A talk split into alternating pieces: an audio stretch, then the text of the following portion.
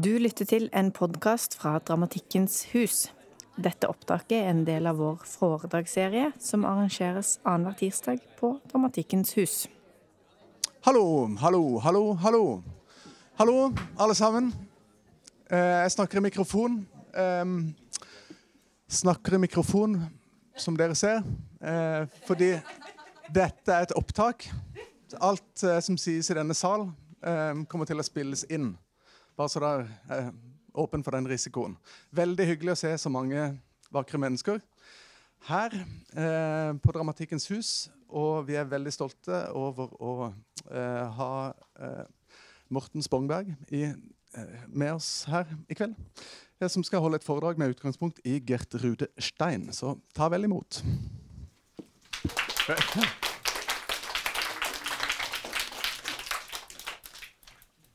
Great. Um, can you see over there? Or should I stand up? Yeah, no, I, we, we find out. So in maybe in um, 1996 or something, Wooster Group was performing in Copenhagen, and uh, the Wooster Group is a was a uh, or is a, uh, an, a New York-based theater group that started in the mid 70s, and um, who has been, I would say, very very significant for for the development of contemporary theater in the West.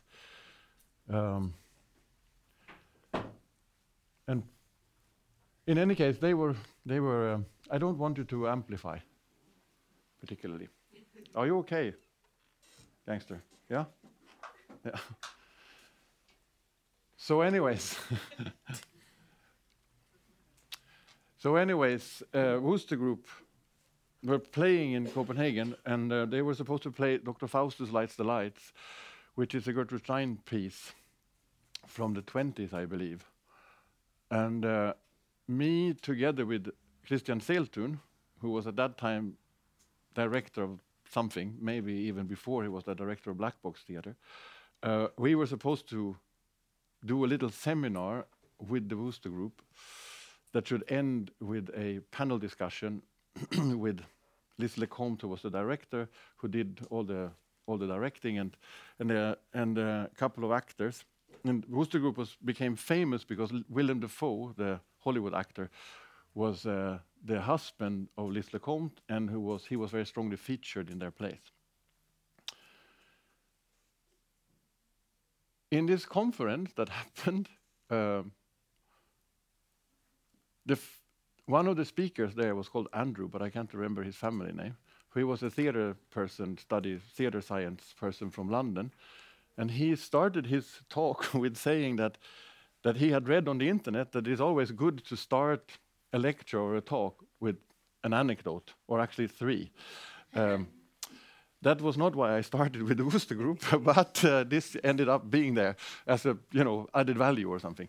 Uh, it's better to start with three anecdotes than one because then uh, it's not only a binary choice that you can choose between that one or that one, but you can choose the third one, and then you can have a conversation afterwards. What what of them that you preferred best, right? But anyways, um, the, the what was what stayed in mind of that conference was two things. First one was that Elizabeth LeCompte, whenever Kristian or I asked her a question in this panel debate, the only thing that she said was that, um, good question. nice. But she never said anything whatsoever about Wooster Group's theater or what they had in mind or why Dr. Faustus. Uh, and the other thing that, that, that was rememberable was that before the panel discussion started, there was a little coffee break, and then the panel discussion should start. Then Liz LeCompte, uh, one of the actresses in the Wooster Group, whose name was Kate Valk, she came up to me and uh, and sort of shook my hand, and she did it in a way that was that handshake was the most memorable handshake I've ever had. And the way that she did it, she shook my hand very firmly and good and looked me in the eyes, just a little bit too much, just a little bit too long. And she had such fucking control over what she was doing that she knew that I would be in love with her for the rest of my life, and my son's life, and his son's life, definitely. but, and what happened there was that there was no, but the, the point of mentioning this was that there was no proposal whatsoever in her way of looking at me. There was nothing saying that you and me and the boogie woogie, or what about after the after party, it's probably, and so on. But what, what made it so peculiar was that it was a kind of a, the way that she looked at me was with an availability of, of, of a completely unconditional, I am, I am here. Her presence in that moment was so strong that it was absolutely void of any content. There was no ambitions, there was no, there was no content, there was no aspirations or whatever. But it was just a kind of so what I fell in love with, which of course I didn't, but I mean, for the sake of the, of, it's after all a lecture, or whatever. but, but what I fell in love with was exactly the sense of of availability or the sense of, of there's no limits to what can happen right now. Already at, the, at this moment, of course, I knew that nothing would ever happen between me and Kate Valk. Um, but there was, at the same time, a promise in the way that, that, she, that she manipulated me that was just fucking fantastic. bon. and I think that, that uh, this, the reason why I have a little hang up on Gertrude Stein is not because of Gertrude Stein, but as a way of of kind of blocking my love story with Kate Valk. So what I will talk about today is not about Gertrude Stein, but about Kate Valk. But I will try anyways to, to say a few words about Gertrude Stein and why it, it became interesting or why it was relevant for me to start doing this with the Wooster Group,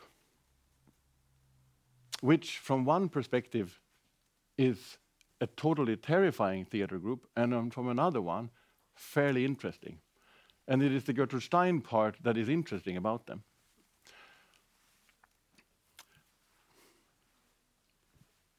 With, now, so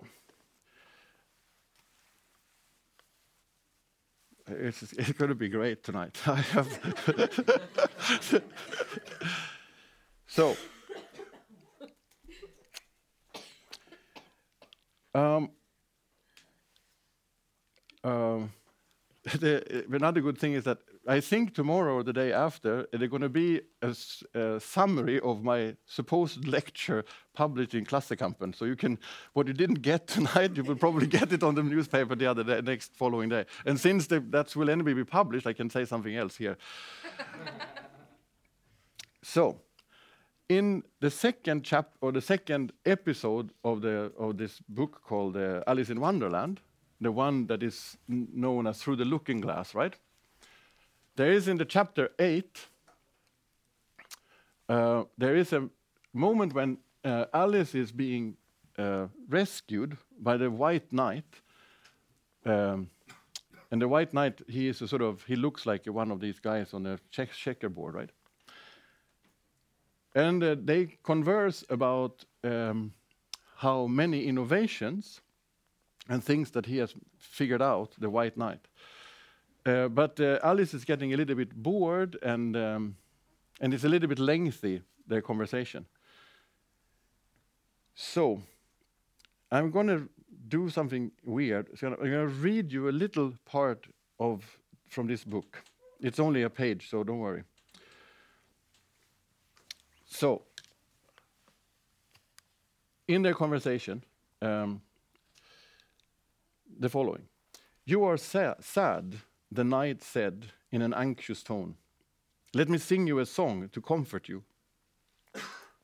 Is it very long? Alice asked, for she had heard a good deal of poetry that day. It's long, said the knight, but very, very beautiful.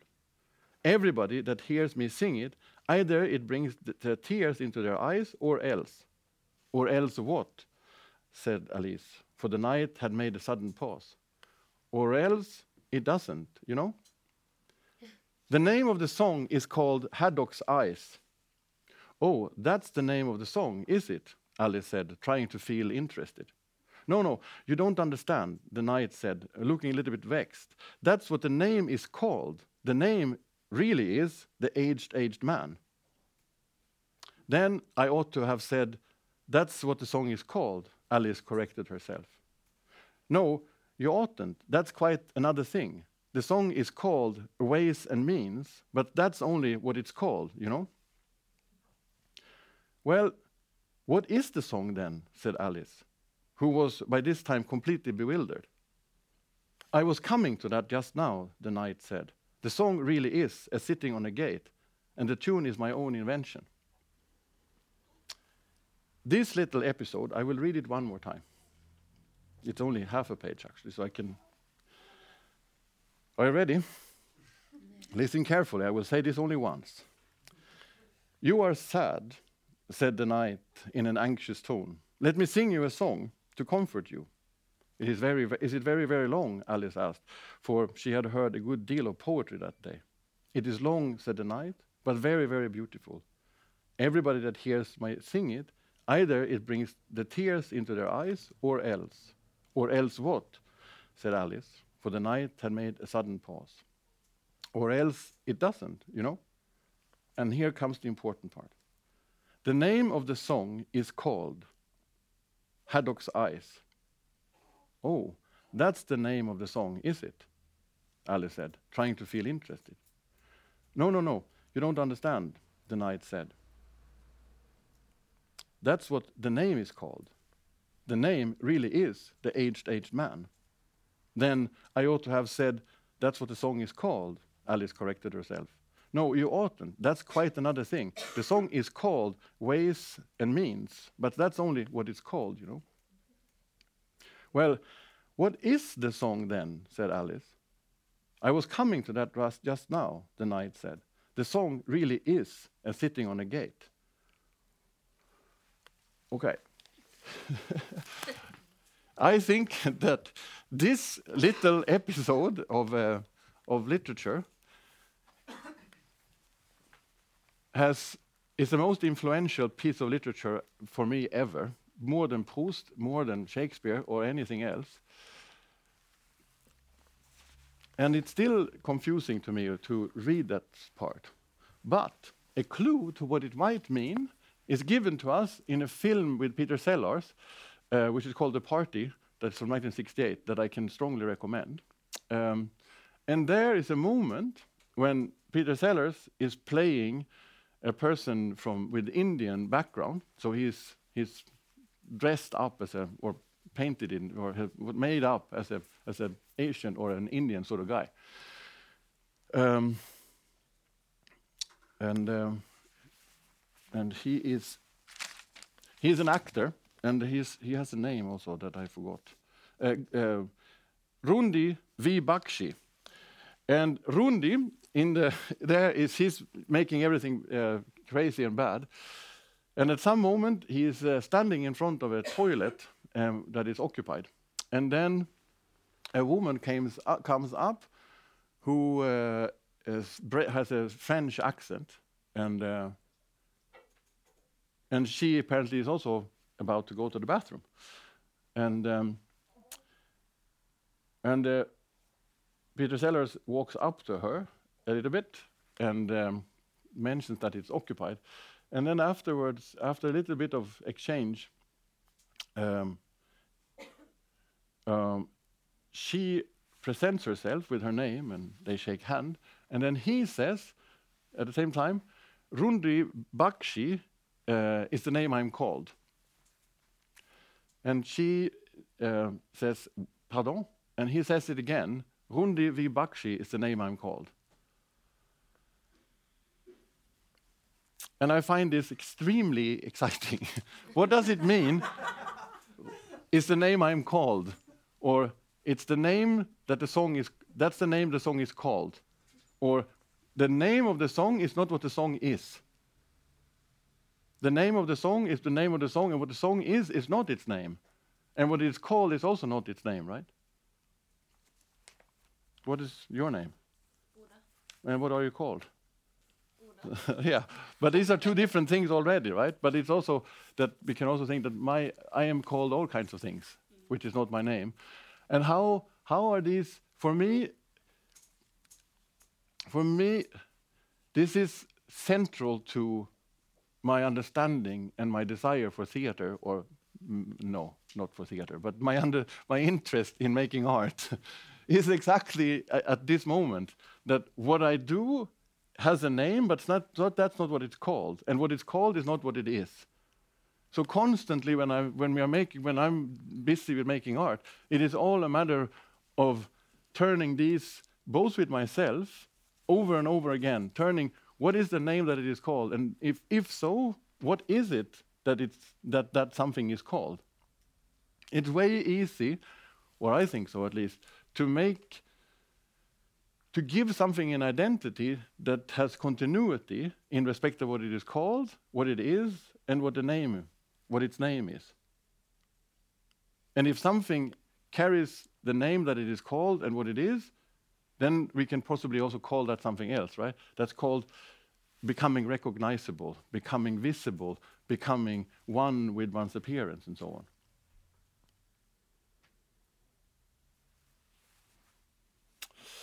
Yep, that was the second anecdote. I think I had one more. Ah, yes. So, a couple of years ago, I was uh, invited to a conference in Hong Kong about dance and or in contemporary dance, and especially especially contemporary dance in the setting of museums.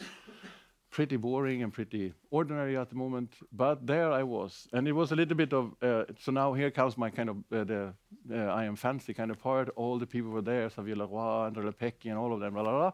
Anyways, I was supposed to give a speech, and I did so. But during the lunch break, there was uh, one of the assistants there at the conference, and I had a conversation, and uh, she mentioned that uh, in the art center they had an exhibition in which there was a Caravaggio that was borrowed from a museum in Milan. Uh, wow, cool, amazing.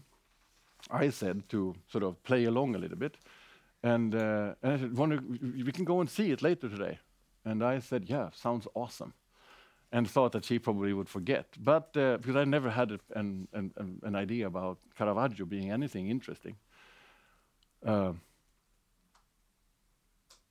but however, the conference proceeded, and after the last talk speaker, uh, waiting to the bus to take us to dinner, this uh, assistant person came up and said, "We want to see the Caravaggio now."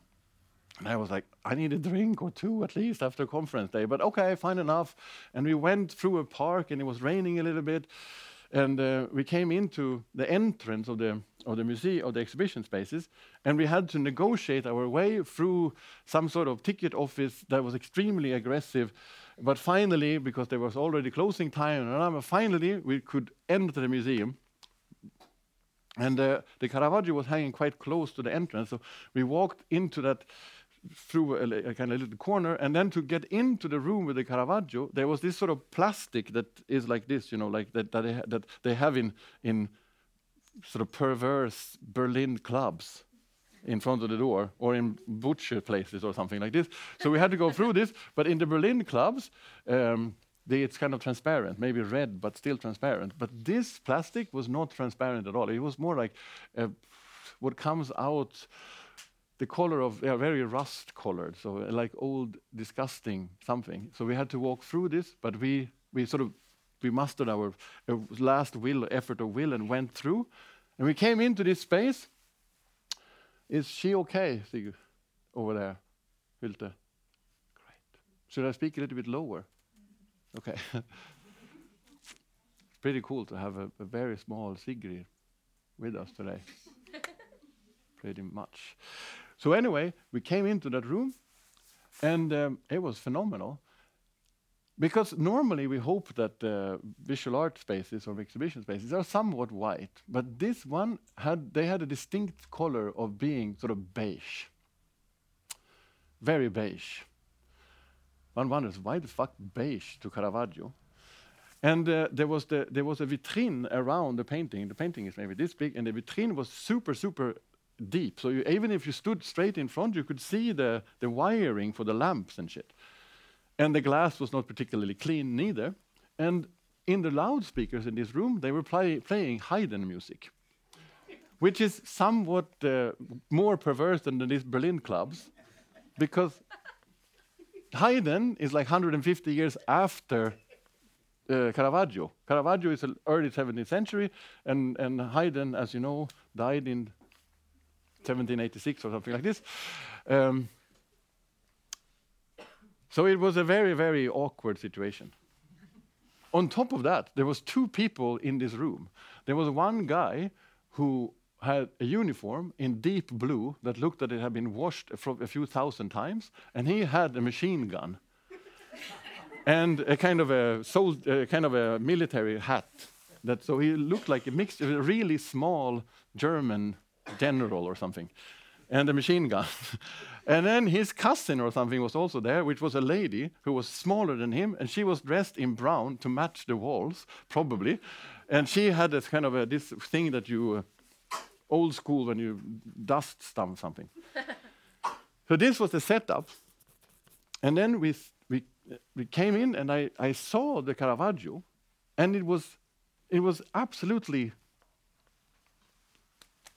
you know, it was absolutely fucking extra bitch ass weird. like I have never had a, such a strong experience, and I I was standing there thinking that after a bit, after all, after a bit, how is this possible? I am really old and I have, I have been in many countries and stuff, but here I am and I'm completely blown away by a fucking painting that is 500 years old and I can't even explain myself. Then after 10 minutes or whatever, the assistant left and I was, I was just there with the machine gun man and his cousin and the Haydn music, but everything just disappeared and it was me and Caravaggio for forever. And what happened there was exactly this forever. It was probably 20, 25 minutes, but it, what happened to me was forever.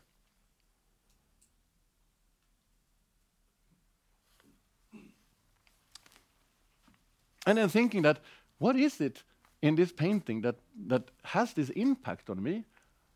And it, it's called Supper at Emmaus. Uh, it's from 1606, so it's the late. The, there's two of these paintings. This is the later one, and it's uh, it's uh, four men and the and the wife of this uh, restaurant where, or inn or whatever it's called where they are hanging out, and the person in the middle is Jesus, just after he's been resurrected, which is complicated for me because. Uh, I would wish that I didn't get blown away by a religious painting, especially not a Christian one, but here we are. So I, I, take this as a very bad omen that I probably will come out as a religious man soon, if I haven't already, but don't just acknowledge it yet. but what was I blown away, away or, or what was it in the painting? And it wasn't the religious motif. It wasn't that it was well painted. It wasn't that it was kind of compositionally perfected, which it anyways is. But what blew me away was sort of the darkness on the left part, there's a, there's a kind of two square centimeters, decimeters, or whatever, that is completely pitch black, but the pitch black of Caravaggio is more. And it's somehow that it's, it's, it's lit from in, in itself. So it's a dark, it's a blackness that, that lights, that paves the way of, of, for something. So, what was it that I experienced in this moment?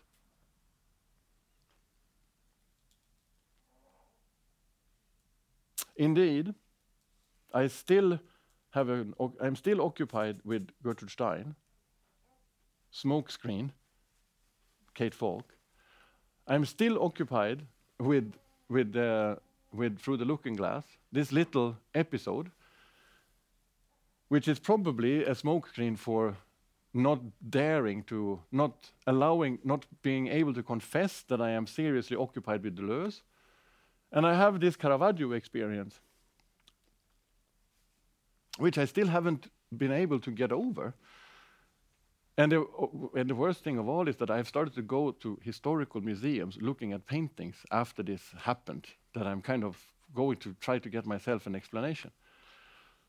And at the end of the day, what happened was that I, I made a piece called Nothing that was in, Black, in the Black Box Theatre a couple of months ago, as a, which is also uh, is embarrassing, uh, is that I, I needed to do a piece because I couldn't explain to myself how this could happen to myself. So these three anecdotes, they point in the same direction to what happened with Kate Valk is was that there was nothing in her gaze. There was no proposition. It was just an emptiness that produced a, a sense of presence that allowed me to be there forever. That the, the, what what uh, Lewis Carroll is doing in the Looking Glass is to me somewhat similar. That he's just turning it around. That it's now it is not a gaze, but what where where where does Alice end up in between the name it is called, the, what it is called, and what it is? And hopefully, she doesn't end up hooking up with Joseph Kosuth. because if this would be three in one chair, this would all be about post structuralism. And I think it's exactly not about that, right? Which we can come to in a little bit. And with Caravaggio, it's the same thing. What, what brought me somewhere was this excessive presence that produced a sense of loneliness and, and, and, the, and the sensation of, of, of being in touch with eternity. So, this brings us to Gertrude Stein. But first,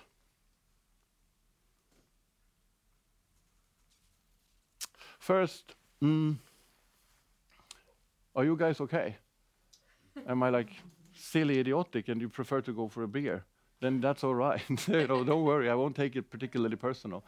Uh, but uh, um, but Ludwig, do you need a refill? I was thinking about it. Oh yeah.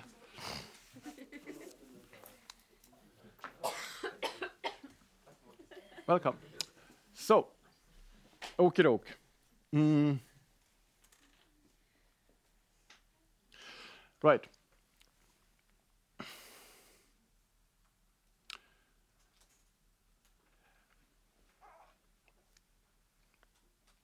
Mm. In and a, and a question that occupies me is what is it that I experience when I have an aesthetic experience. And the aesthetic experience is something that has, in a way, haunted art uh, since, say, 1780 or something. And it has very strongly to do with the, with the, with the rise of capitalism, of the importance of reconfiguring and what is what, what an aesthetic experience or what arts what the responsibility of art can be in the world. As we all know, prior to to say 1750, art was something that was not particularly disconnected from craft. So a well-crafted vase was not more or less valuable than a good painting.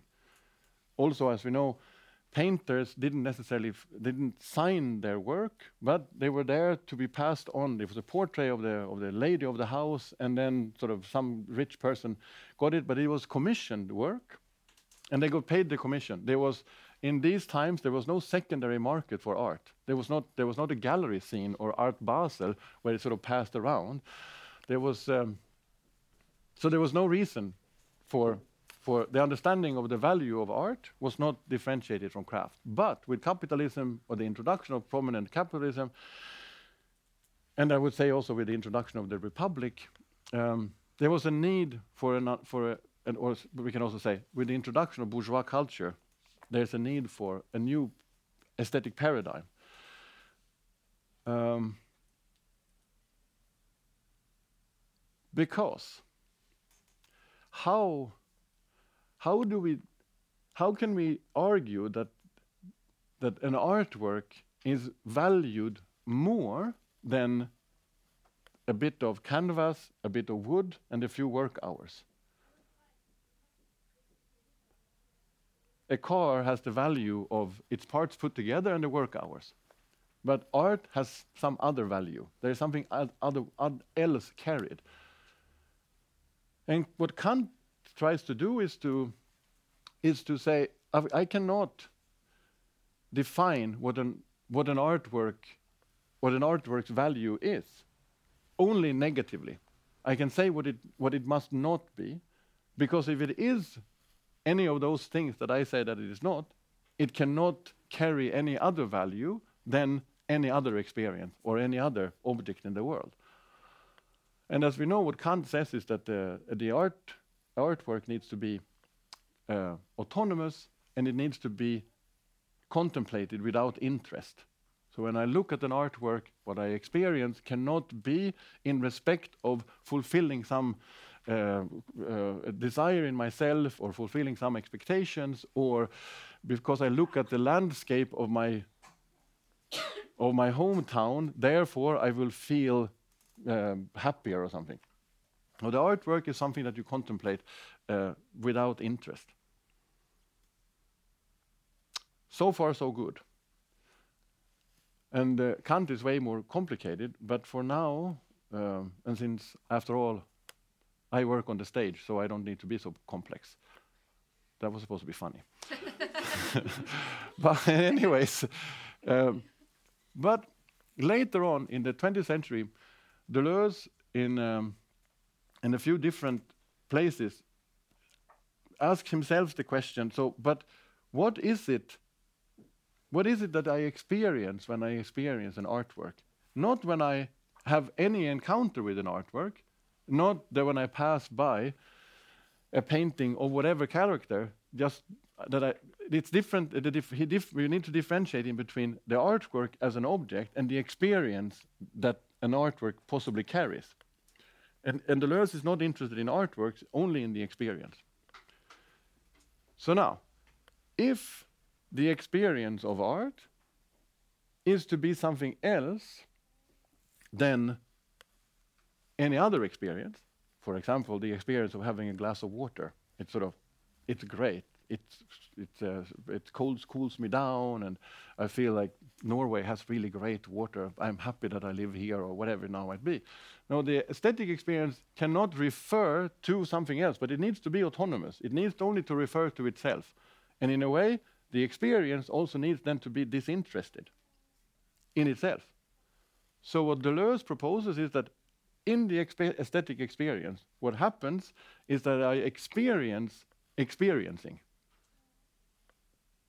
There's no content to the aesthetic experience. The painting, the poem, the theater play, if we are lucky, only is there as a, as a vehicle for the possibility of an experience that turns itself on itself, that references itself.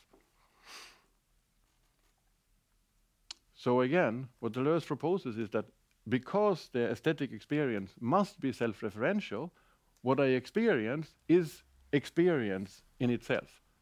Or otherwise said, I experience an empty experience, but it is exactly full of its own emptiness. So it's not a matter of, of experiencing a prominent void, but it's rather it's a, a matter of experiencing the fullness of what experience can be. And then Deleuze asks another question, but what does it mean to experience experiencing? what, what, what do I, must there not be something underlying, again, underneath uh, the experience of experience? and he proposes there that what, what you experience is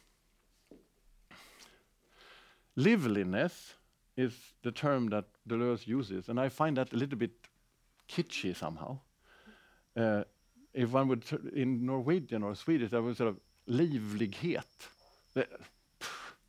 That, sounds like a little bit of a enthusiastic music from the 18th century, no?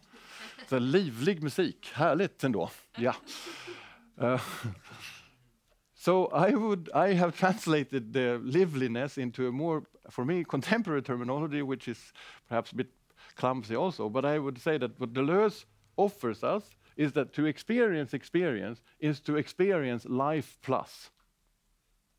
It's like life enhanced.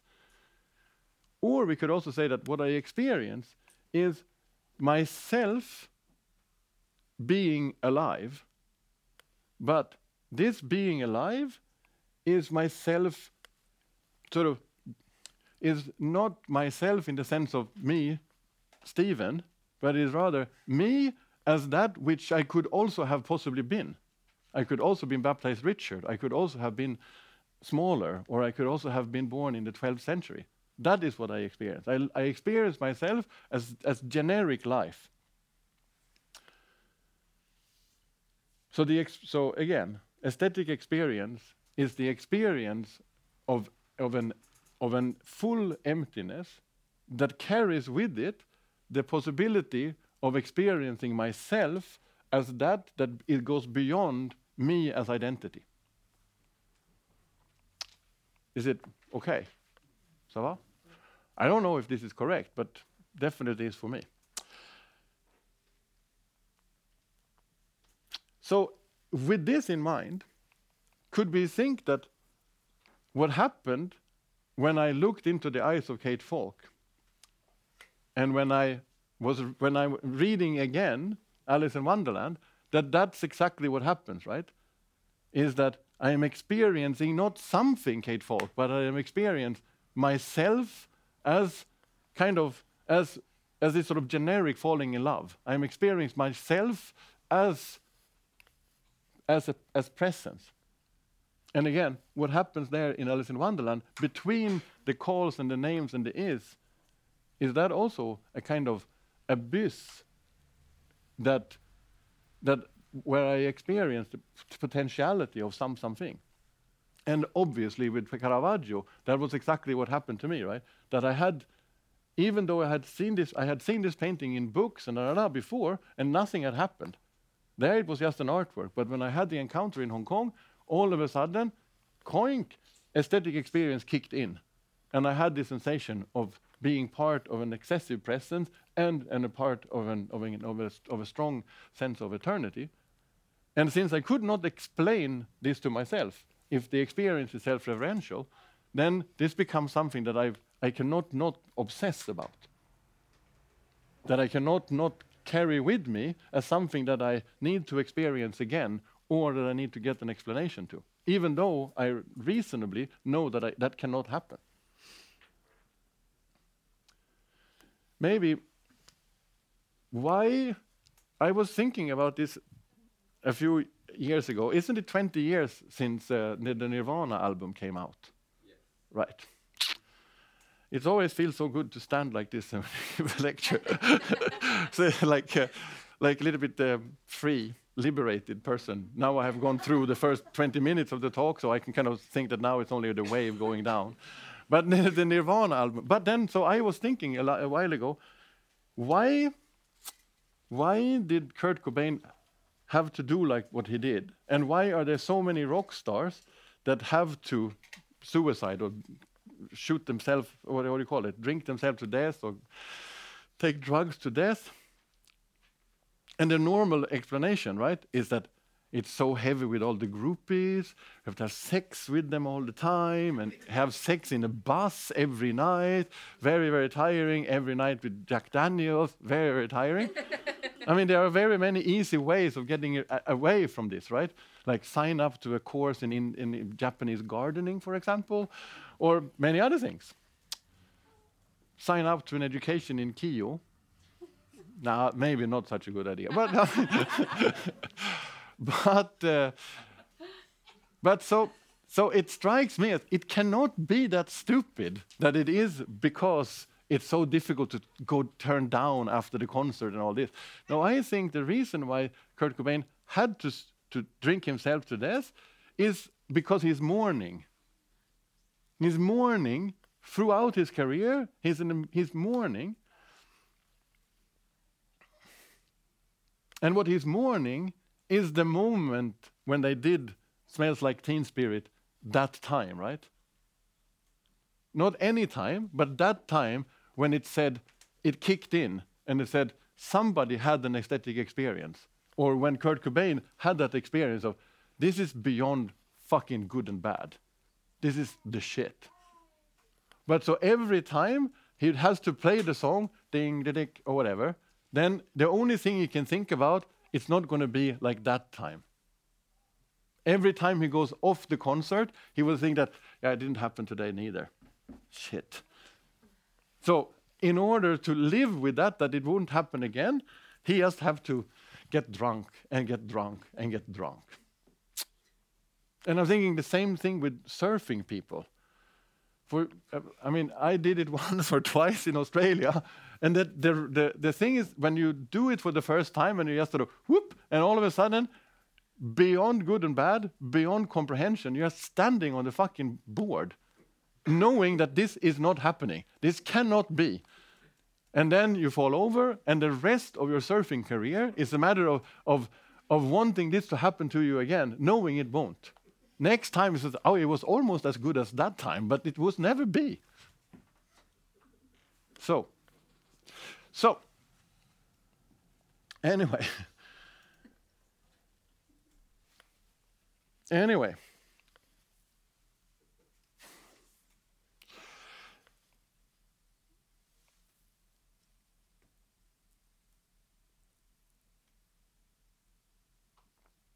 I think. Right. So, what a question for me has been how do I how do I justify to myself that I am occupying that I'm devoting my life to art making and especially dance making how do I how do I verify to myself yes Mårten it's a good idea I mean there's no money people in dance are really complicated um, the parties are not that wet, the cars are not that big. Nothing is particularly good with dance. The only good thing is the six pack. but apart from that, why? So, how do I justify what I do? And um, and these forms of justification, I believe that they are changing over over the years. So for me, it was I have always envied um, Jackson Pollock that, that, that he could say to his wife, sort of lighting a cigarette after breakfast, lighting a cigarette, and say, "Oh no, I'm I'm just going painting." With this just going painting, that he doesn't need to justify anything. I'm just painting because that's what you can do when you are a high modernist painter looking for the essence of art. I'm just going painting, and he could go out there and do that stuff, right? But then somewhere in the late 60s, when post-structuralism figured out that, aha, obviously there cannot be an essence to art because language is how we perceive, da, da, da, da. Therefore, Jackson Pollock couldn't, you know, I'm just, no, that would be, uh, yeah, are you looking for essence again, you idiot? like the wife would say, dude, or something. Doesn't happen. so then he had to figure out another version. So how do I now justify my art? if we remember that, uh, uh, what's his name? Roland Barthes published a little text in an in Artforum in 1967 called The Death of the Author, we could think that, all right, so in the end of the 60s, there was a need to redefine, figure out a new way of justifying why making art. And we kind of know what every artist in the US was at the time. They were, of course, a Marxist, right? And for Marx, the most ele elegant tool is critique. So critique was the form of justification. And of course, I'm categorizing and saying that there were people were thinking and doing a lot of stuff, but it's anyways quite strong in the in the kind of in the dominant canon of Western art that this is what what happened. That all of a sudden, aha, let's now work on critique. I cannot justify my art in the sense of paint or looking for essence. So I need, but I can justify my art in the sense of either a critique of the medium or a political critique.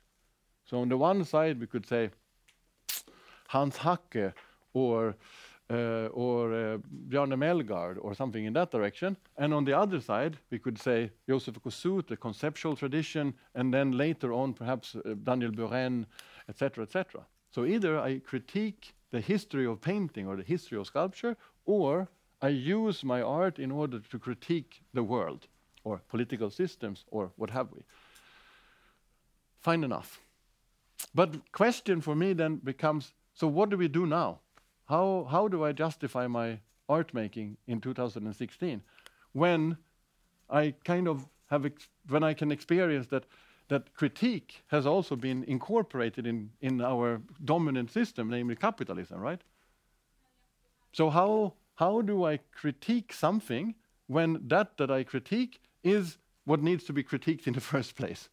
If capitalism owns critique, how can critique then critique capitalism? You know, there is a problem here.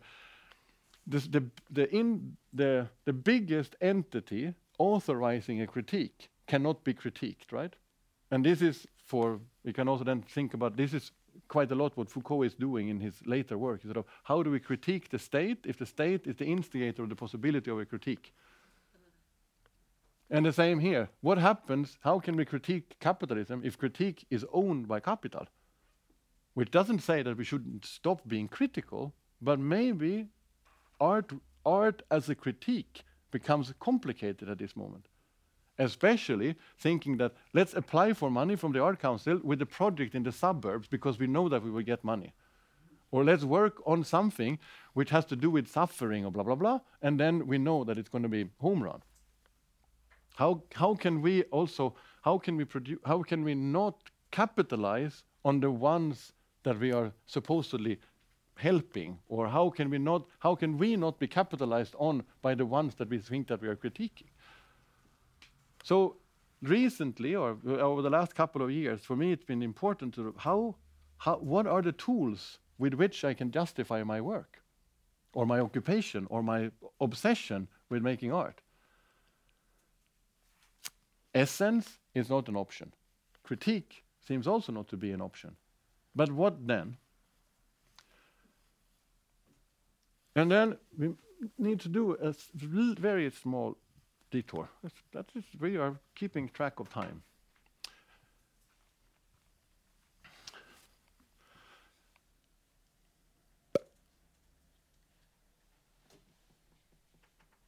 Okay. That one is going to hang there. How do we then do it?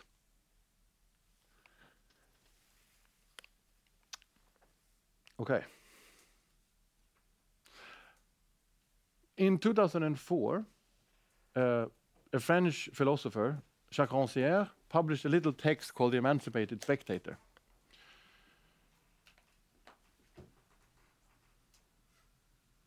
In a lecture. That kind of stuff. so, it's okay.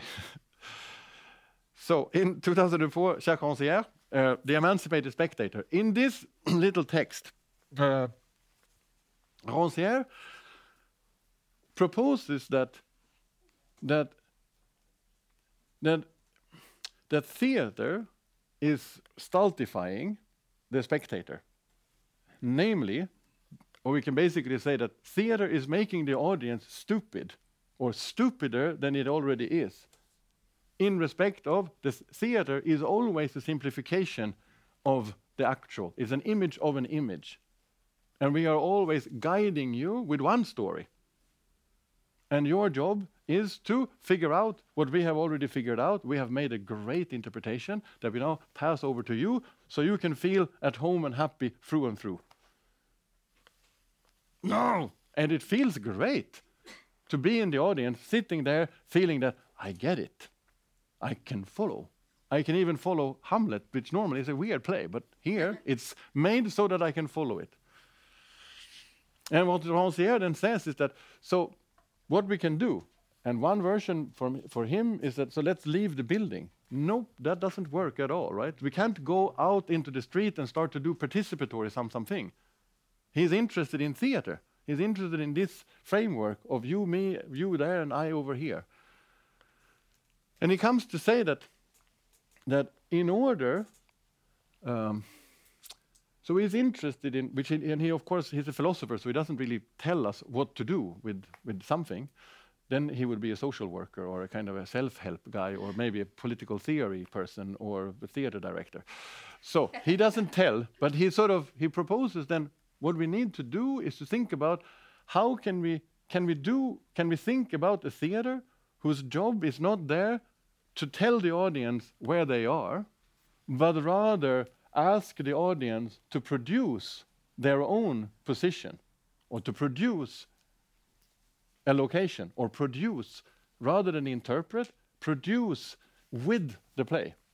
But in order for this to happen, what Rancière proposes is that when you have to make plays that indeed does not confirm itself, that doesn't, uh, that cannot be convincing, nor as a play, or as a mise en scène. But we need to somehow do something that more or less withdraws from being prominent. So instead of a theater, what, so what one can say is that Rancière proposes instead of a theater that produces recognizability or visibility, what Rancière wants is a theater that, that, that, that sort of blurs itself or smokes itself into a sort of slightly psychedelic landscape. He, of course, has a problem, which is the audience. And, uh, and uh, how he deals with this is, is to say that the moment when you are one of the audience, you can also you can enjoy the passive journey as being one of us. At this moment, we can I can identify with the group, and then I can pass on to my friend to do the interpretation. the moment when when we become part of a community or the moment when we become part when when we identify with a group we are also that comes with a price that is namely for you to have a voice the moment when we sign up i also give up my own voice but what Rancière proposes is that emancipation is not the same as moving out of your parents' house or divorcing or something or making a solo instead of a group piece, right? No. what he means with emancipation is the production of a voice. So it doesn't mean that you're standing up and saying, I have something to say. At this moment, we are already reacting on what is what the climate offers us, the community that, that offers, the, what the community offers. For Rancière, what emancipation means is the production of a voice, a production that is your production, not not probabilistically, not causally vis-a-vis what it is that you are experiencing, but and here comes the little bit irritating uh, terminology, which is no, it is a it's a it's a contingent production. It is a production that you do, but not because of, but rather not because of, but you do it because you cannot not. So in the Caravaggio experience, there was nothing left for me. There was nothing that I could go home with and say, here, this was the revenue that I had from the experience. But I had, but on, on the contrary, it was an experience that was there but had no name. So I needed to produce, I needed to consolidate it. I needed to make the experience. And in this moment, there was nobody to help me Nobody else had that experience. And even if there was somebody standing next to me, this experience was mine singularly. So it is production that I have to do. However, it is a production that is also peculiar in the sense of it is not a production that I can do from what I know. If it was from what I know, no problem. The experience would not have been an aesthetic one, but an experience of knowledge. So the experience needs to withdraw, the experience needs to withdraw from knowledge for a production of some kind, which, when, when this production has happened, of course, is transformed into information or representation or knowledge. But nevertheless, what interests us is that it is a, it's, a, it's a passing into the world of something that was not previously around. This, now, right? So, what Rancière proposes is fuck interpretation, and what we want is a production of a bringing forth. And This, as we all know, obviously, is proper Aristotelian theory, right? So Aristot- uh, what Aristotle says is that poetics, for Aristotle, is indeed a form of production. But he makes a differentiation in between production and poesis. Production is ma- basically manufacturing. So make another one or a version. Your shoes, my shoes, his shoes are a version of the same, and we can manufacture them, and there's no problem. We can also even recognize them as a pair of shoes, even though they have no laces or whatever, right? And everything is fine. And we can be, we are also confirmed in this production. We can value, we know the value of the production, etc., etc. And then comes the other part, poetics, which is not to be confused with poetry, but poetics, P O E P O I E, and so on. Right? This, says Aristotle, is not a production, but it is, and Agamben talks about this in a book called The Man Without Content, which is terrific. He then talks about it's a pro dash duction. And what he means with this is that production is poesis, is the bringing forth and into the world. It's a bringing forth and into the world of something that before it enters the world must be not something, but something. It cannot be something in that, that shoe, right? It just must be something. To the bringing forth of something. And this again can only happen if the experience is empty. However, it exactly is full of something. And having the experience is somehow to when having the experience it's kind of that this full th- this empty fullness is sort of rubbing up against me and when i come out of the experience it's wow jesus.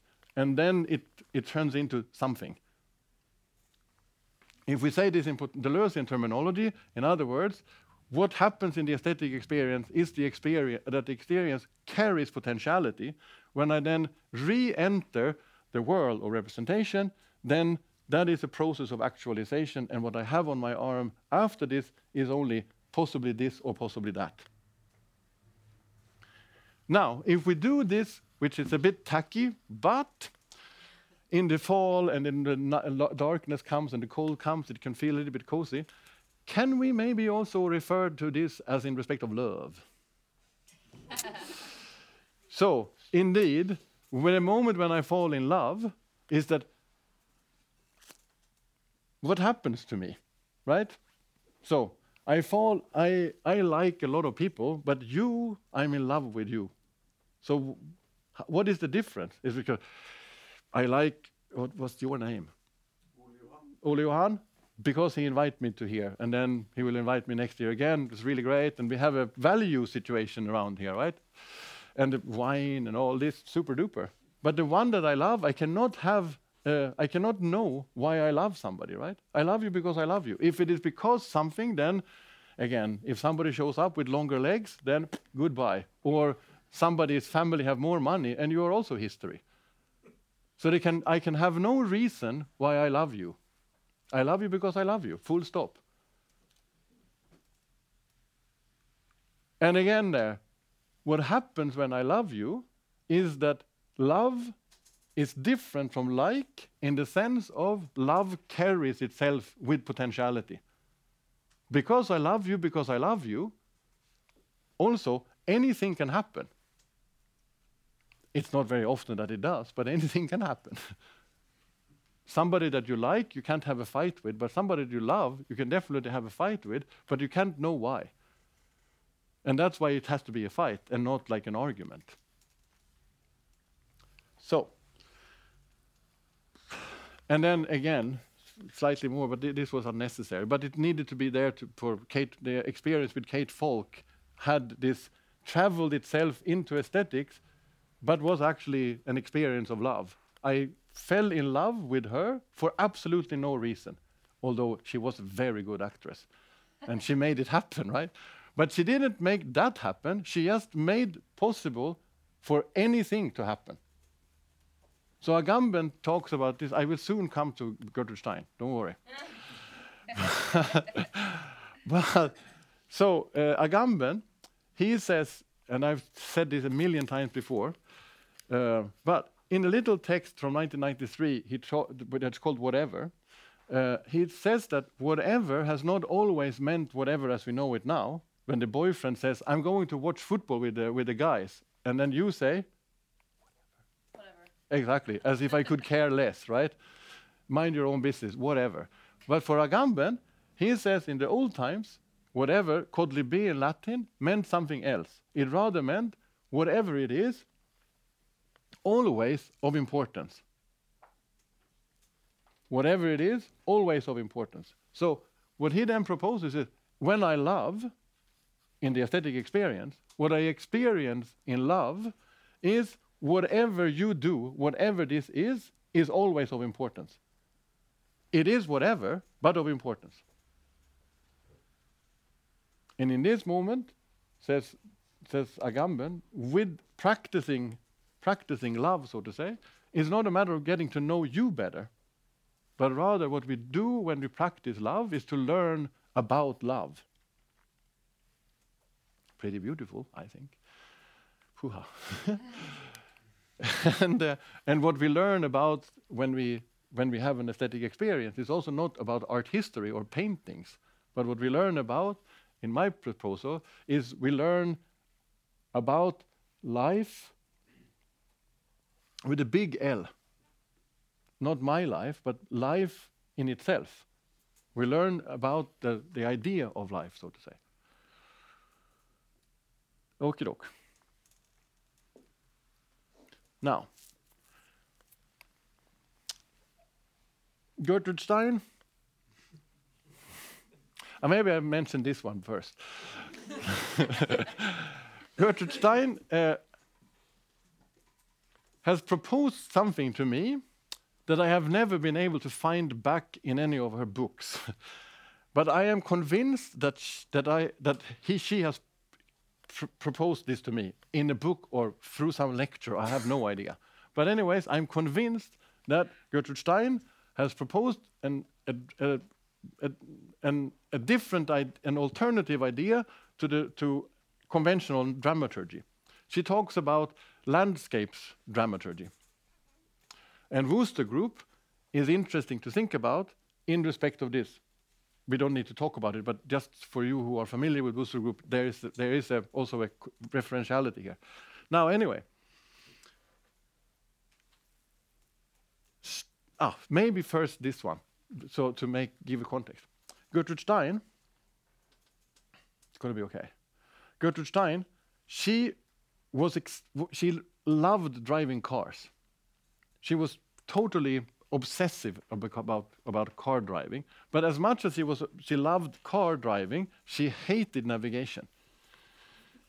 So, and Alice B. Toklas, she definitely didn't want to sign up to be the, the guy person sitting on the, on the left side or whatever. She, so Gertrude Stein had to figure out her own special way of navigate to get to not have to deal with navigation. And her solution was that she dressed up in her car outfit. it's a little bit sad nowadays that you don't have car outfit, right? And there's, something also a little bit. Um, so Gertrude Stein loved driving cars, and Isadora Duncan died when her scarf was, you know, fiddled into the wheel of the Bugatti at that moment, I somehow felt that I should maybe stop making dance and go for theater, where there's kind of self-made ladies that sort of sit behind the wheel and instead of being vain in the back seat or something. in any case, so Gertrude Stein dressed up in her, her car driving outfit and started up the car and was sort of sitting on the on the side of the street, waiting for a car that looked like it was going to where she was going. And when it passed by, she followed that car. and and and then, but but but but uh, what if that, you know, maybe it want, wanted to go to somewhere else? And then Stein's argumentation was, of course, brilliant, But even if it wasn't going to where I wanted to go, it was probably going to another, way more interesting place where there was great people to hang out with. So in a way, in a way, what she tried to do was to make sure she didn't end up at the end of the journey, but she ended up in a place that, indeed, right, was contingent. It was whatever place she came to. And it, at whatever place, something can happen which is not already destined, right? So when we usually when we drive when we take the car, it either goes to our parents or to our grandparents. Or to work or to kindergarten. Maybe not kindergarten, that you probably walk there. But we always know where the ride is ending, right? But Gertrude Stein said no to the probably to the parents or probably to the kindergarten. She was interested in, in the contingent, wherever. So therefore, let's set up a kind of a situationist protocol to make sure that we will end up other places. And if we do, then every moment of the ride will also be super exciting. Where are we going to go now? Shit, right over here. Whereas when we go to the grandparents' place, or when we have this opportunity to say, so the kid, or I remember myself saying, "Oh, daddy, daddy, where? How how far is it?" And then my dad saying, "Now we're half half the way." And then you think about how fucking boring, because now that means that the next half is going to be like the first way, but just without the the, the, the, the happiness of the new. So why would we want to go? Why? Ah, super boring, right? Or same thing, and here comes dramaturgy. Same thing, of course, when we watch American movies, how long do you last? I always only last halfway. If a film is 95 minutes, I don't know how, how much half of 95 is, but you know, I only last for that while. Because after halfways, we know, we know that already in the beginning, but at least in the beginning, there's a build up, right? So is Bruce Willis going to fall in love with Cameron Diaz or not? There is some kind of tension that right? But after halfways, we know, yeah, it's going to be a few more bombs and a few more machine guns, and then probably the after party and blah, blah, blah, blah. So why would I have the energy, right? American movies is like going to your parents. Remember that when you sit down next time. Oh, All right, let's go to my parents.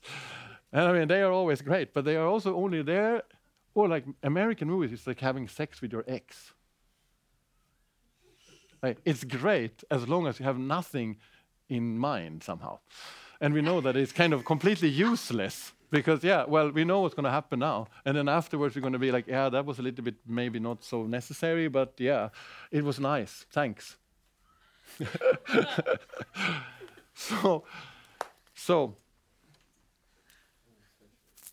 uh, uh, I mean, I've also done it. so we can have a support group afterwards of we that had relapse or something.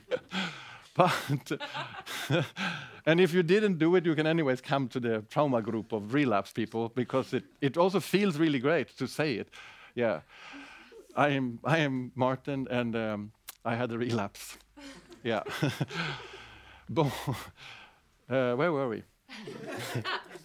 All right. So if we now translate Gertrude Stein to dramaturgy. Dramaturgy is always like a path. So, Aristotelian dramaturgy is always a matter of a path. It goes from A to Z. We know in the beginning was this, forever after, or whatever, right? And even if it's not an obviously an obvious dramatic texture, we know that at the end it will come to an end. I mean, every, hap- every end is a happy end because at least it's over. so we know what's going to go on. And moreover, similar to a road or a path, the path always guides you. And you always know where you are. Now we are halfway, or now I don't really know where we are, but we are on the path. And the path always leads somewhere. So, ah, it's always guiding, always guiding and telling you where you are in Norwegian roads, it's even like now 14 kilometers to Trondheim and then 28 kilometers to Trondheim. So we always, we always know where we are, right? So, what about an art that deals with dramaturgy in the sense of a path? Even though the path is a little bit hypertext or fragmented, it's still a path.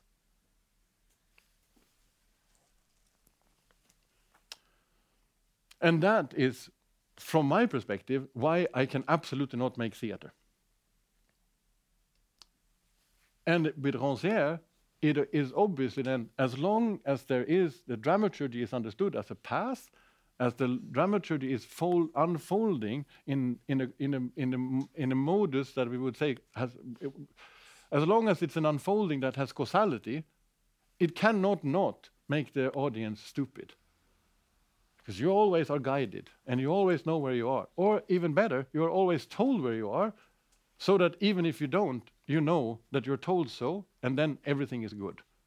Such a dramatic organization, which is also happening in most dance performances anyway, and in exhibitions, etc., um, there is no opportunity for emancipation, right?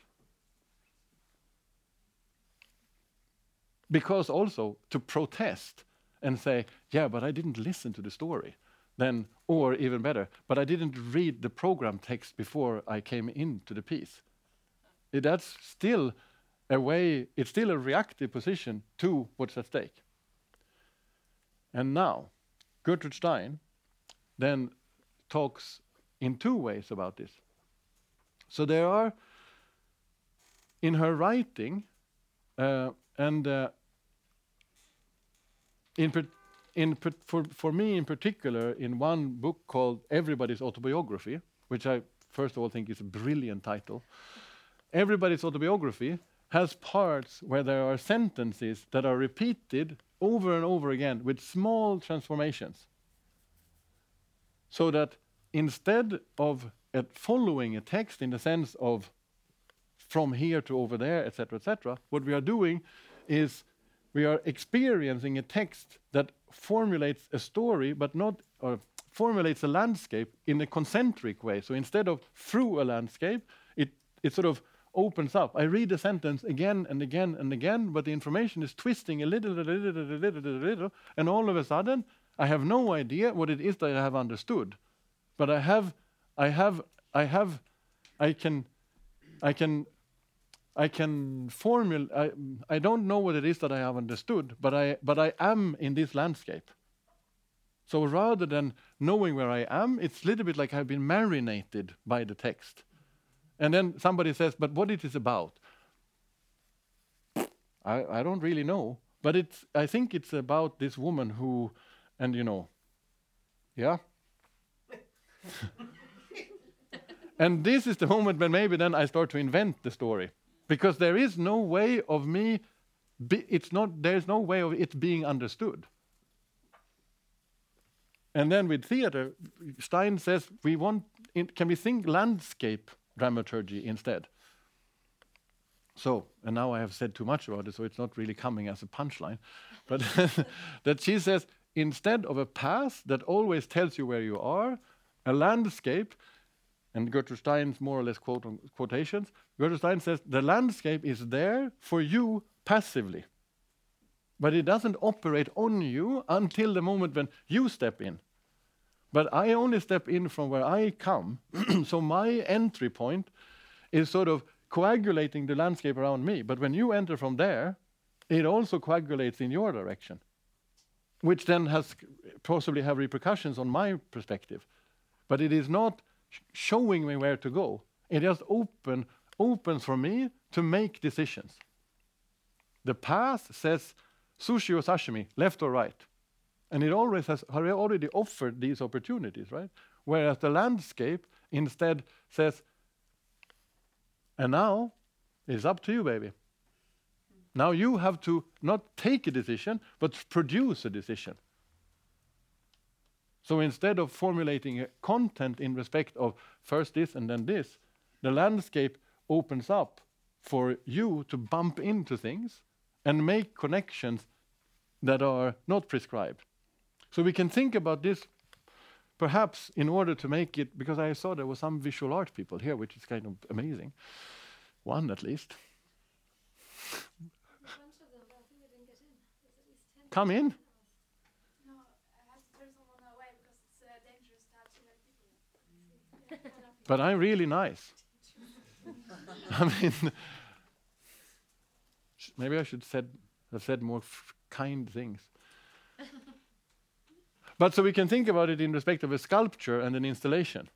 So sculpture is kind of a simple de- definition of a sculpture is that it's it's one, it stands in the middle of the room, and you know what's on the back side when you look on the front side. So the narration is there. If it looks like a dude from the front, it's going to look like a dude from the back as well. And I can hold it and I can make an interpretation. An installation, on the other hand, we could consider to be a set of objects or a selection of objects or phenomena to which there is not already prescribed opportunities. The relationship between object one and object two is not already elaborated and, and strengthened. So when you step in, you have to, similar there, you step in in order to fulfill in a way, right? Or, or how do you say? Or, or, or something, full, fulfill the opportunity. And in this moment, of course, the installation, shit, the installation is yours. So for Gertrude Stein, what happens also is not only that it's that you're not guided, but the, that there's a question about authorship going on here. Who is authoring this experience? Or we can say that the the artwork is there as withdraws from itself as authorship. Okay, I will try to finish up now. That was all I had to say about Gertrude Stein. But I think this is fucking brilliant.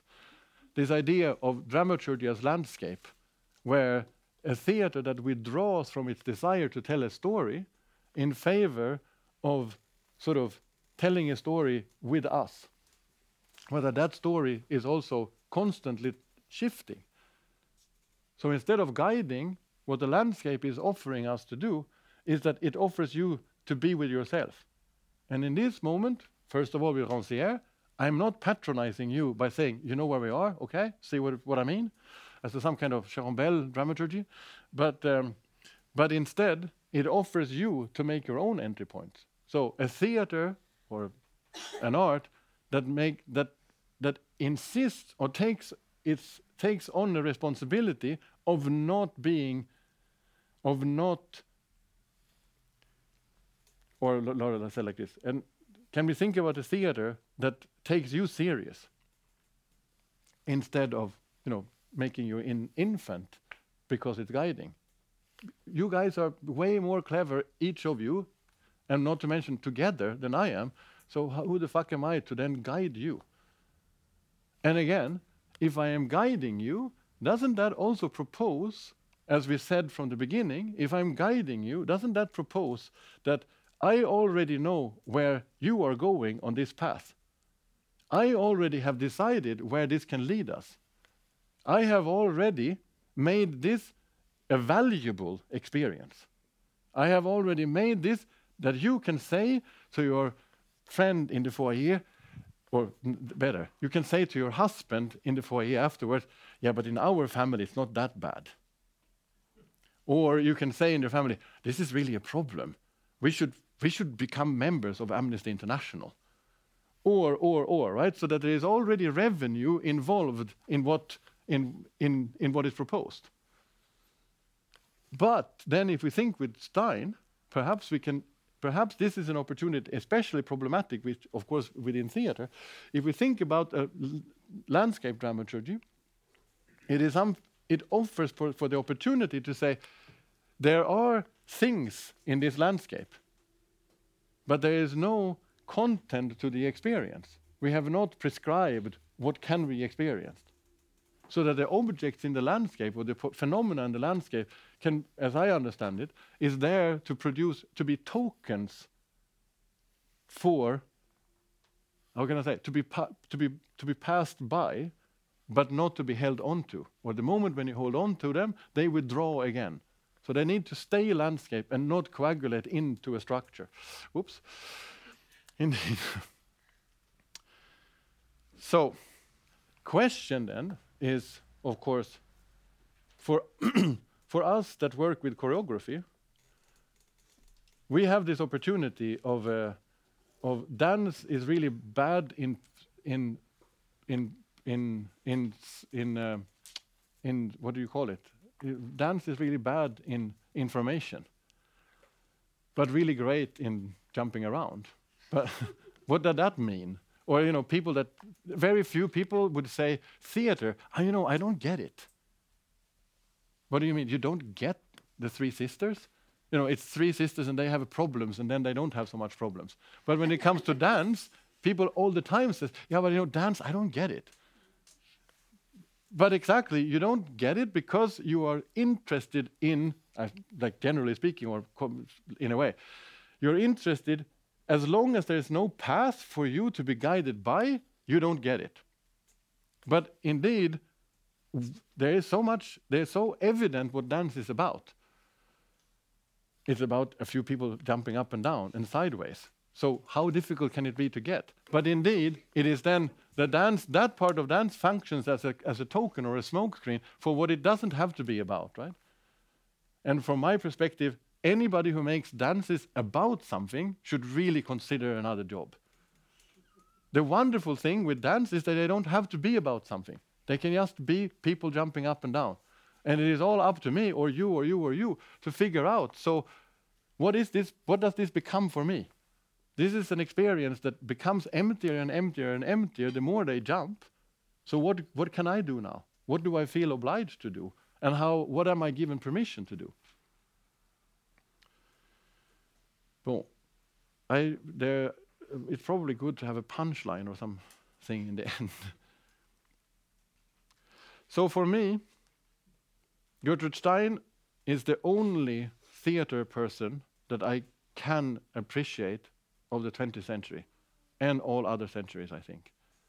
Because she identifies theater as something that is not there to be loud and clear and pave the way for the sort of lights up, but instead offers us an, constant, and conditions, a condition of theater that that I think is extremely contemporary right now is that art is not there to be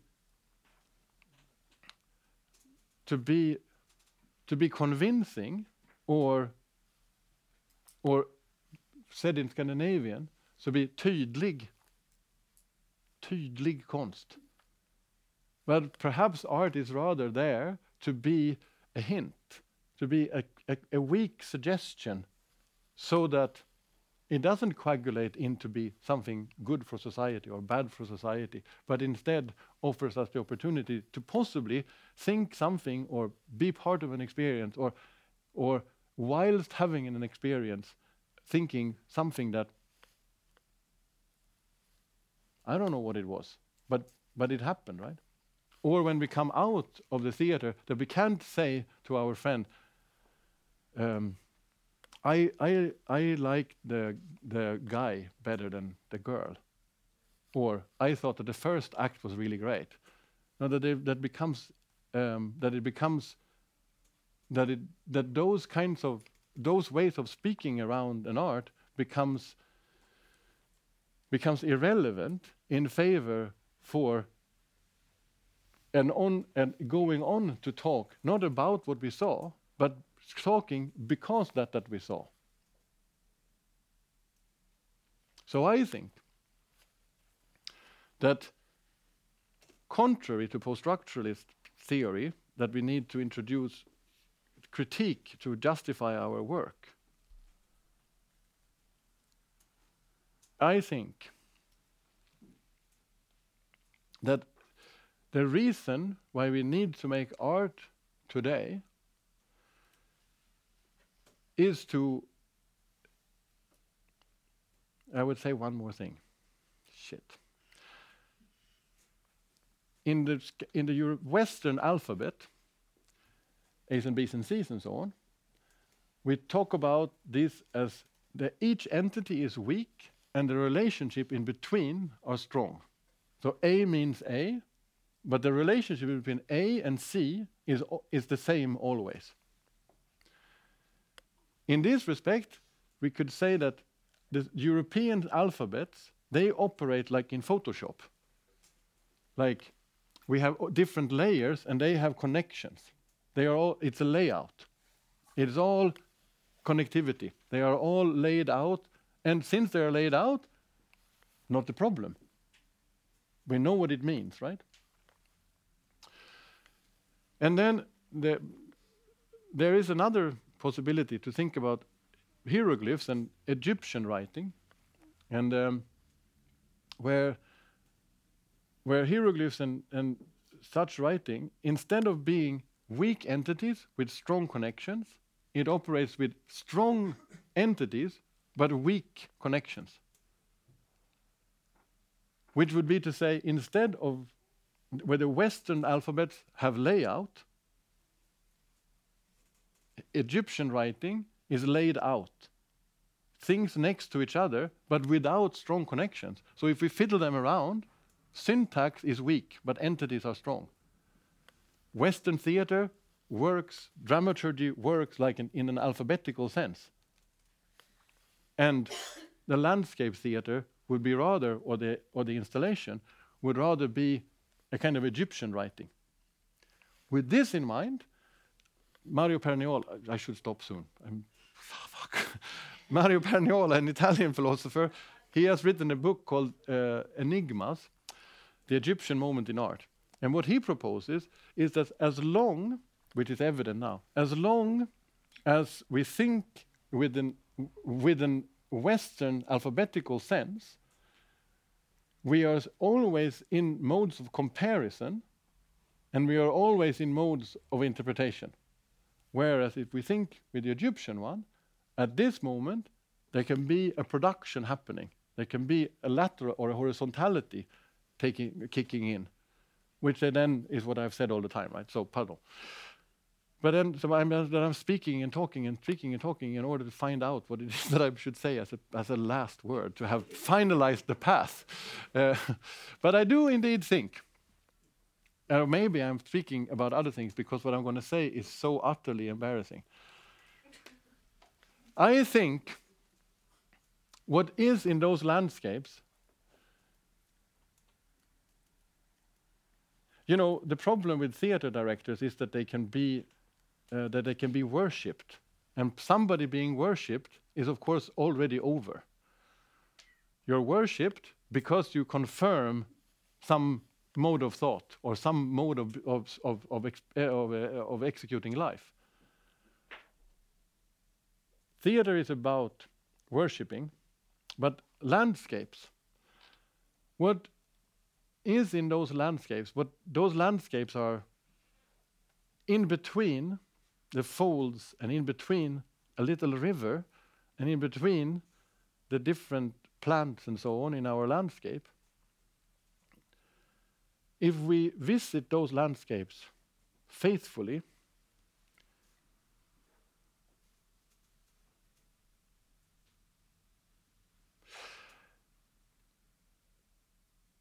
I am convinced what is there is a sense of spirit.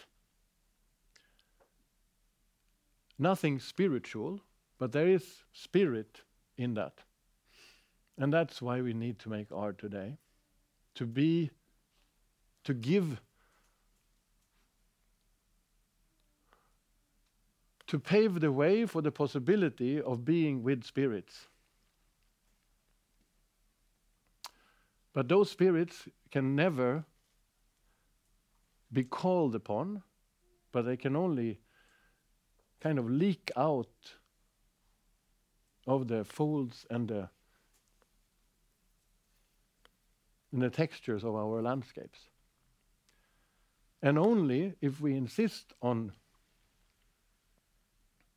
on bringing the spirits can we have those experiences that are full of emptiness and carries responsibilities to nothing else than themselves, and in being so, offering us the possibility of contingency.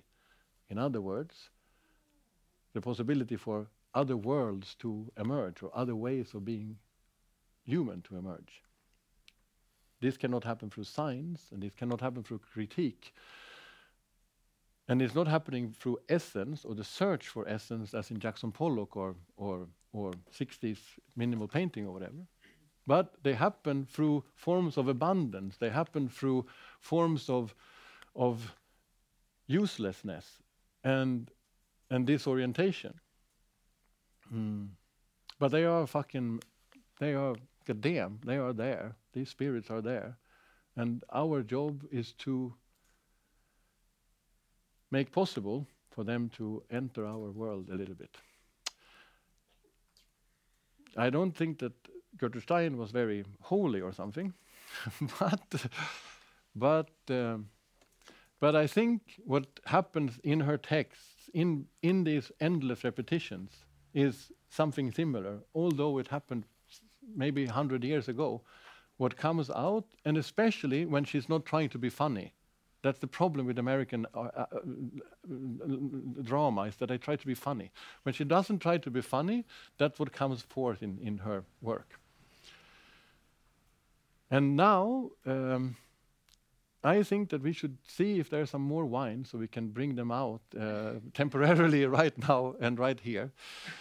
Um, it's always a little bit difficult to do a great applause after uh, talking about spirits. Uh, so, um, and I don't wish you uh, the force be with you, because obviously uh, then we know what the force is. But it's rather like the force is in us, and um, in art we let it loose. So go in peace and thanks for me. Goodbye.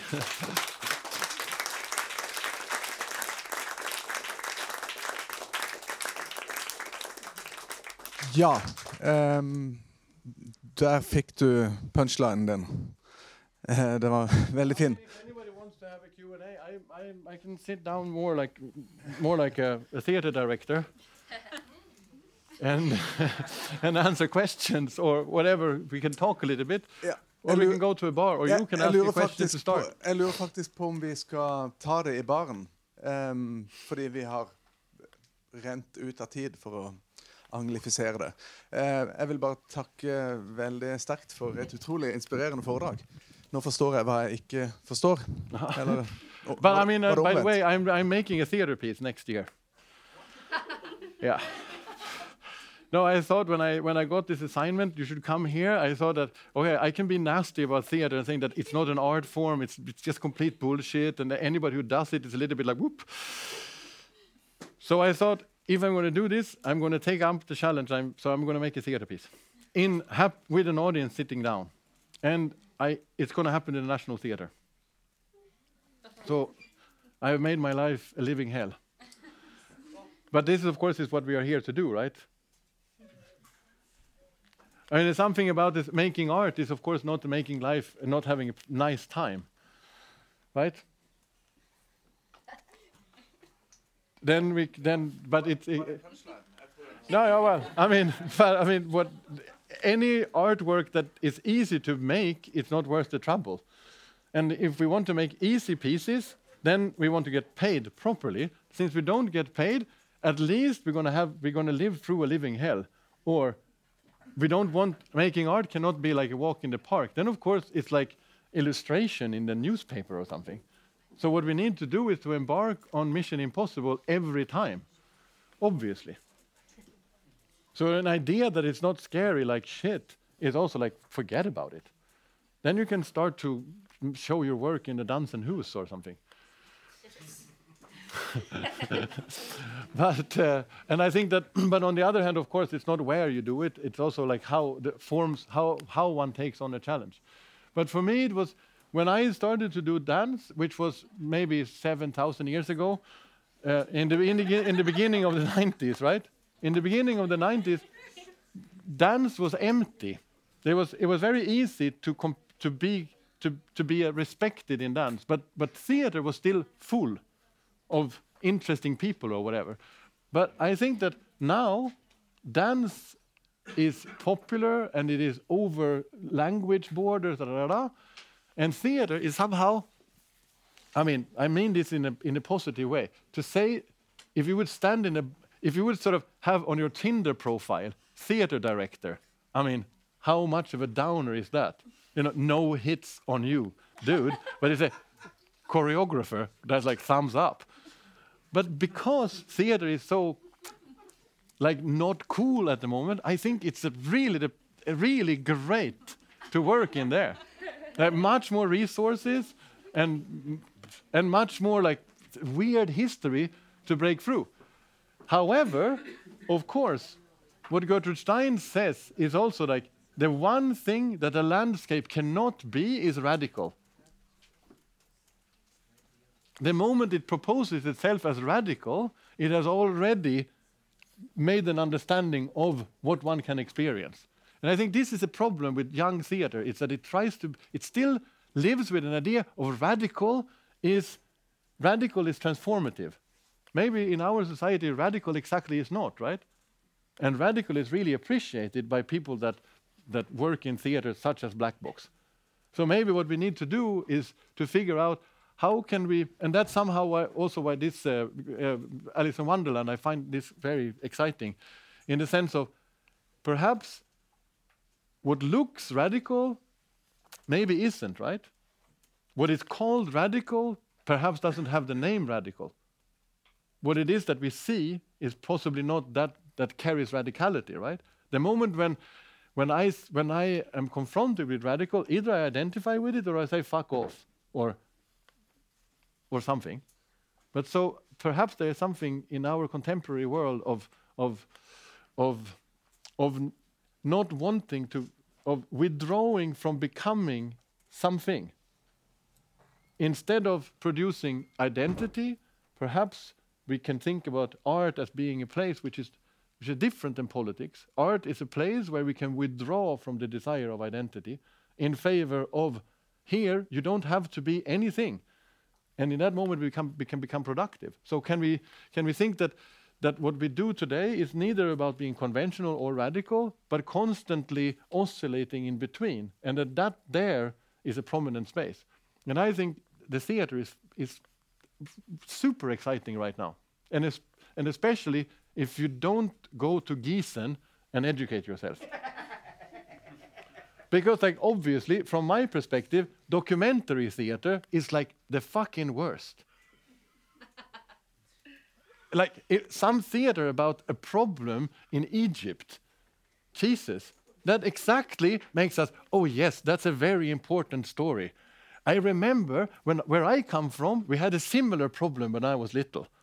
This is exactly, this is something that I can write, read in the avis. But what is it? So again, what for, for me, what is imperative here is like, what can theater do that nothing else can do? What can be said here and now and nowhere else?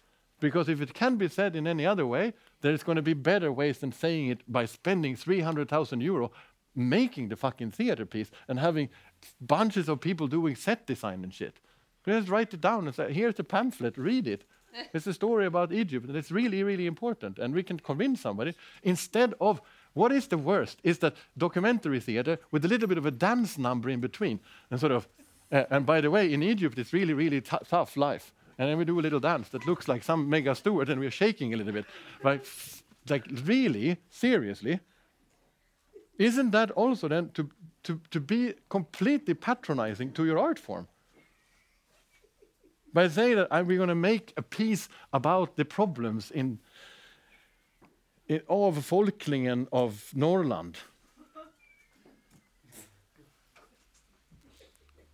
But uh, I mean, if I was a dance, I would be, I would, I would, I would, I would, I would, I would, I would, you know, I would just go, I would have suicide or, or something. So uh, great.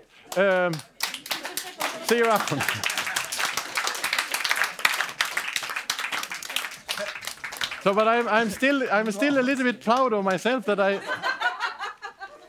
It was only in the end that I became really cynical. OK, takk. Uh, thanks for being here. Velkommen igjen. Du har nå hørt en podkast fra Dramatikkens hus. Har du lyst til å høre disse foredragene live? Sjekk ut våre hjemmesider dramatikkenshus.no.